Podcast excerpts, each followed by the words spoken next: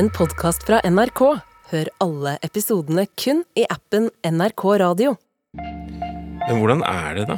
Å ha blitt liksom superstjerne med samisk bakgrunn? You made it. Jeg elsker det. Um, uh, ja, hvordan er det, da? Uh, Ja, superstjerne eller ei, det er i hvert fall ingen tvil om at artisten og aktivisten Ella Marie Hetta Isaksen har nådd fram til eh, utrolig mange mennesker på ulike plattformer. Hun har fjetret sitt eh, publikum, vunnet eh, Stjernekamp, og hun har stått midt blant aksjonistene under Fosen-aksjonen med sitt brennende engasjement. Jeg er veldig spent på hvilket eh, dikt som får pulsen til å stige i henne, og hun som nylig fikk Fritt Ords honnørpris for kampen for eh, urfolks eh, rettigheter, har eh, mer enn hintet om at diktet henger sammen med hennes egen bakgrunn. Og en kamp som hun har stått i helt siden hun var et lite barn. mitt første minne av aktivisme er i skolegården da jeg var seks år. Fordi em, jeg hadde forstått at det samiske språket, eller de samiske språkene, var veldig utsatt, og at det norske eh, språket prøvde å sluke det samiske, da. Um, og da husker jeg at jeg liksom klikka litt av å høre no norske ord i skolegården. Og da, da spurte jeg læreren om jeg kunne få en vest hvor det sto språkpoliti. Sånn at jeg kunne få en, en god grunn til å irettesette andre. At liksom jeg hadde lov til det. ja, fordi at det ble så ofte krangling når jeg var sånn Vi må snakke samisk. Du fikk vest, da. Nei, fikk ikke vest. Du fikk ikke vest. Nei, jeg fikk aldri vest. Det skjønner jeg. Jeg er veldig glad for at jeg herregud, hadde jo aldri hatt noen venner den dag i dag hvis jeg fikk den vesten. En tjeneste lærerne gjorde meg der. Jeg lurer på hva læreren tenkte ikke når jeg kommer som seksåring og sier sånn jeg skal ha en vest, og så prøver de å forklare sånn det går ikke. Um, nei, jeg ble, jeg ble selvutnevnt språkpoliti likevel, og, og sto i de vanskelige konfrontasjonene med mine venner som um, ble provosert av, av at de ikke fikk lov av en seksåring å snakke, snakke norsk. Um, men jeg står, jeg står på kravene den dag i dag at i de få språkarenaene, samiskspråklige språkarenaene vi har, så er det viktig at vi velger det samiske. Det begynte tidlig, da, Ja, Ella Marie, det begynte litt tidlig. og var litt irriterende for de andre i starten. Det var så irriterende. Jeg tror jeg fortsatt irriterer veldig mange. Lever godt med det. Ja. Håper vi får høre noe samisk, da. At det ikke bare blir, blir med praten her. Ja, ja. Ja. Hva er det du har med deg, Ella Marie? Jeg har med meg eh, et dikt av Nils Aslak Valkeapää, eller Ailohas som vi kaller han, eh, som heter Madrid 1981. Jeg, jeg, jeg skulle ønske at jeg oppdaga på en måte dikt som um, kunstform litt før. Altså, jeg har jo skrevet tekster, sangtekster som jo egentlig er dikta med melodi til, så det har jeg jo et sterkt forhold til. Men jeg har liksom de siste årene, da, kanskje det siste året, um, fått veldig øynene opp for dikta, og den store dikteren Ailohash. Jeg har jo vokst opp med Nils Aslak Valkiabæs sine dikt. Det er ikke så mye samisk litteratur som er kommet, men det er kommet jævlig mye dikt. og det er jeg glad for. Det er et poetisk språk, det samiske. Skal jeg lese det først på nordsamisk, som er originalspråket? Yes. Vuostaskerte ihmidan, att le le arvo, muisteli edstogaji pirra. Kolentan ihmidan, te tal äska. Saatan ihmidit, man ollut vaata almukis, millä valjen alimussi lähkä oassi luontus kuodikähtää, merkake, att lä. Det er jo sånn det skal leses, da. Må hjelpe meg med en norsk eh, versjon av diktet da. Ja, den er oversatt av Harald Gaski, The Legend. Madrid 1981. For første gang forstår jeg at det er, er verdifullt å fortelle om sin egen bakgrunn. Når jeg har forstått det, så nå først skjønner jeg hvor mye som kreves av et folk som har valgt som det viktigste å være en del av naturen, uten å etterlate seg noen spor at en finnes.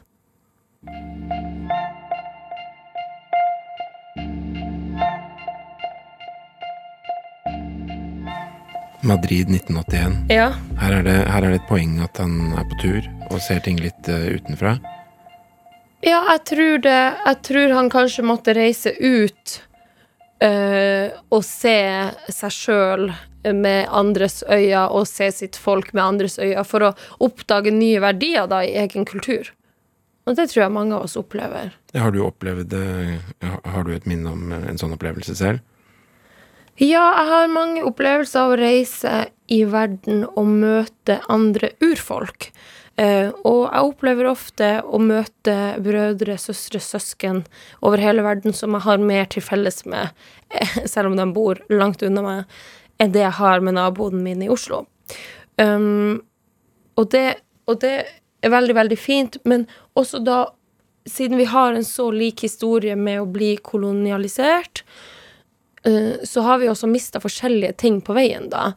Og det å møte andre urfolk som kanskje har bevart med Vært flinkere til å bevare den tradisjonelle kunnskapen om eh, åndelighet, eksempel, kan være inspirerende, men samtidig møte folk som, som har mista språket sitt.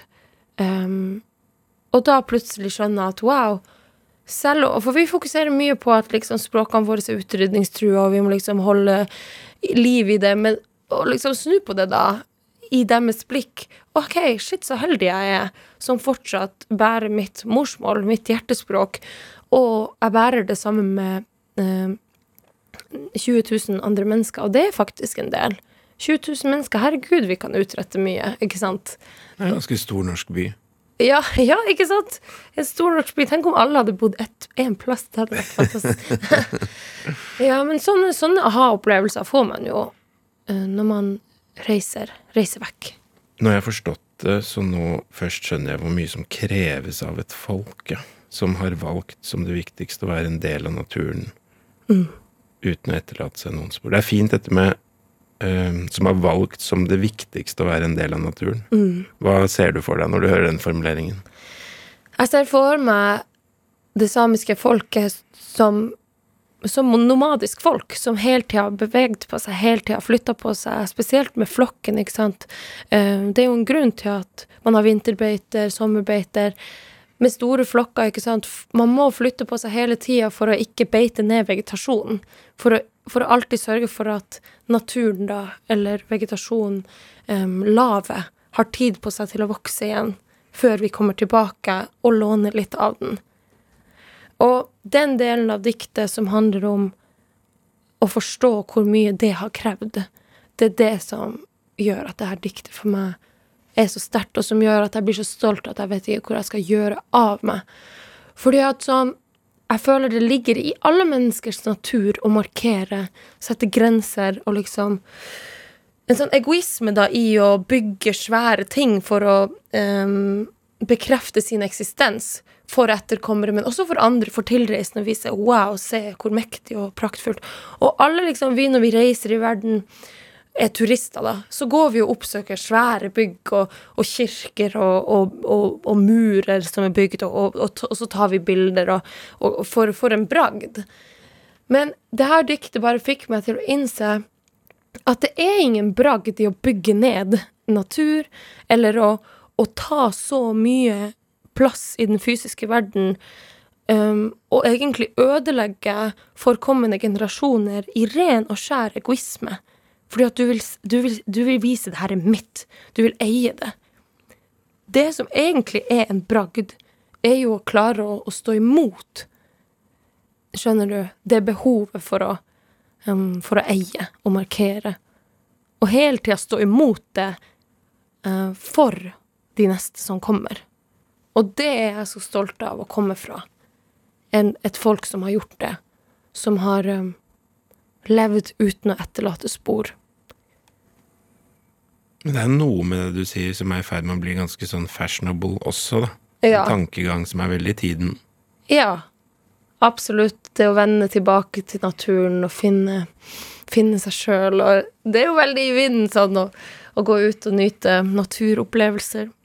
Men, men mm, skal man virkelig da forstå dette diktet og forstå eh, det mange urfolk har til felles, og som jeg mener også er den kunnskapen vi trenger i en klimakrise og en naturkrise, så er det at det, altså det hierarkiske, eh, naturen, som vi kaller det, eller våre omgivelser, som jeg egentlig liker å si, um, er ikke der for oss. Vi kan ikke plassere oss sjøl over det ved å si at det skal finnes der for vår nytelse heller. Um, vi er likestilt med det. Um, og da skal vi bruke av ressursene på en måte som gjør at de etter oss kan bruke av det på samme måte. Um, men det finnes heller, heller ikke der for at vi skal ta det Instagram-bildet, da. Og det, og det, tror jeg sånn mange byfolk da har en sånn relasjon til marka, eller er liksom at Å, nå skal vi ut i naturen.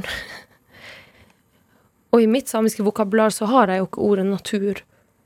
Fordi at det ordet har jo oppstått i det vi har fjerna oss så langt fra den naturlige verden at det naturen som fenomen er noe vi må oppsøke, vi må inn i for å ja, føle at vi er en del av det. Henger du med? Jeg tror det. at liksom er, Lever du som naturfolk, eller lever du som et folk som hele tida mm, blir påminnet krafta som bor i et sterkt og, og, og, rått vær, og du faktisk er ute og fisker da fordi at du trenger den, den, mat, den maten på bordet, så tror jeg også du blir påminnet om hvor liten du er i forhold til jordas krefter. Og da tror jeg ikke du får deg sjøl til å si at du skal ut i naturen, eller at 'å, nå var det' Nå var det altså Jeg fikk et sånt send-øyeblikk akkurat nå. det skjønner du, fordi at det bare Det er så Det er ikke vårt. Vi, altså, med våre ord kan vi ikke definere omgivelsene våre med ett ord. Naturen. Egentlig. Selv om man bruker det i diktet, da. mm. Men hvordan lever du livet ditt, da? Eh, ja, altså Man kan si at det er hyklersk at jeg bor i Oslo og, og, og, kjøper maten min i butikken. Men jeg kommer jo fra Tana, hvor liksom eh, vi har fiska, og vi har uh, sanka, og vi har uh, plukka bær, og vi har bytta til oss varer. Ikke sant? Vi har gitt um, ryper mot uh, reinkjøtt. Vi har gitt laks mot elgkjøtt. Um, og hele tida liksom levd sånn, da, med å, med å kjenne på en mestring av at ok, vi mestrer våre omgivelser. Og i Oslo så kan jeg ikke fortsette å leve sånn, men da kommer jeg heller ikke til å være den personen som fordi at jeg tilhører et naturfolk, setter meg på trikken opp til Kjelsås for å gå i marka. Fordi at det er noe helt annet for meg. Da skal vi liksom gå i 17. mai-tog inn, inn i skogen. Altså, nå overdriver jeg. Går, hvis du går langt nok, så kan du være ganske alene og føle, føle på mye av det samme som, som de omgivelsene jeg er vokst opp i.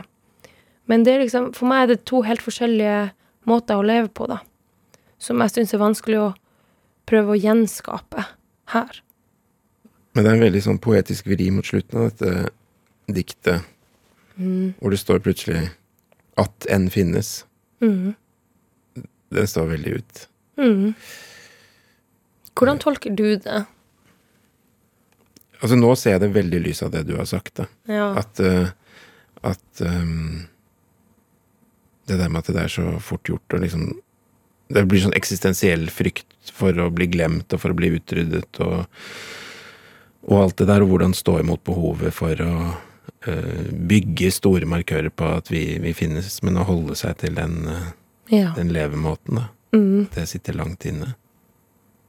Ja, det er det at hvis vi holder på det, det er da vi finnes. Ja. At vi ikke gir etter for et vestlig press, eller For at det skal man også ikke kimse av at vi er et kolonisert folk, og, og, og også et globali... Altså, vi er jo med på globaliseringa, ikke sant, og det er veldig mye jeg håper vestlige ting og tang som jeg internaliserer, ikke sant, som blir en del av meg, hvordan jeg er samisk.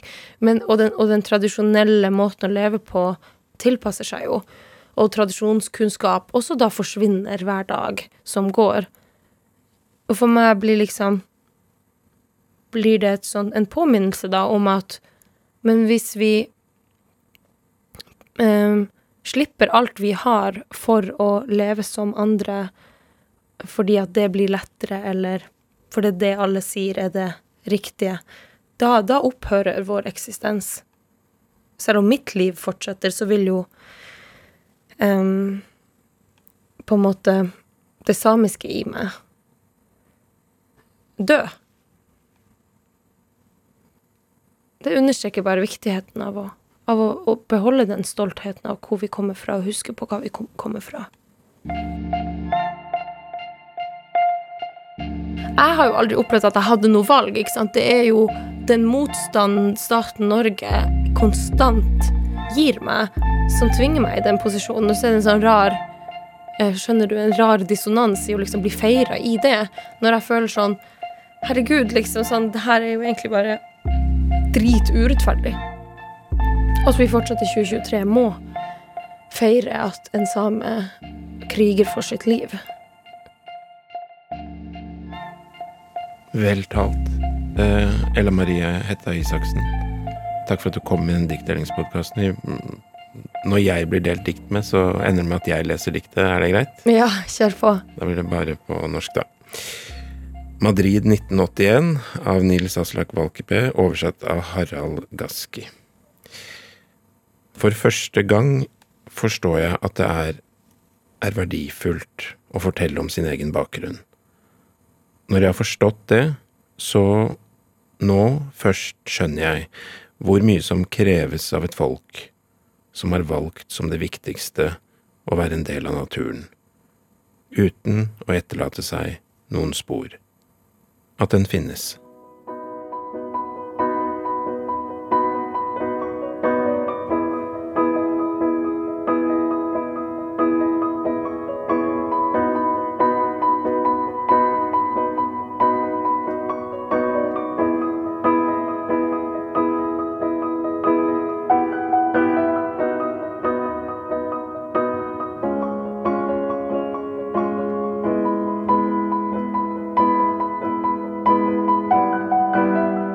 Denne podkasten er laget av meg, Hans Olav Brenner, Kristine Lossius Torin og Janne Kjellberg.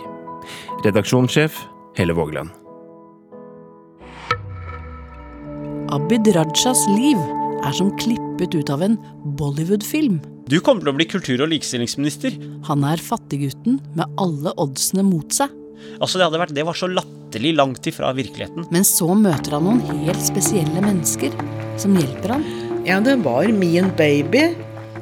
Abid og de gode hjelperne hører du kun i appen NRK Radio. Du har hørt en podkast fra NRK. Hør alle episodene kun i appen NRK Radio.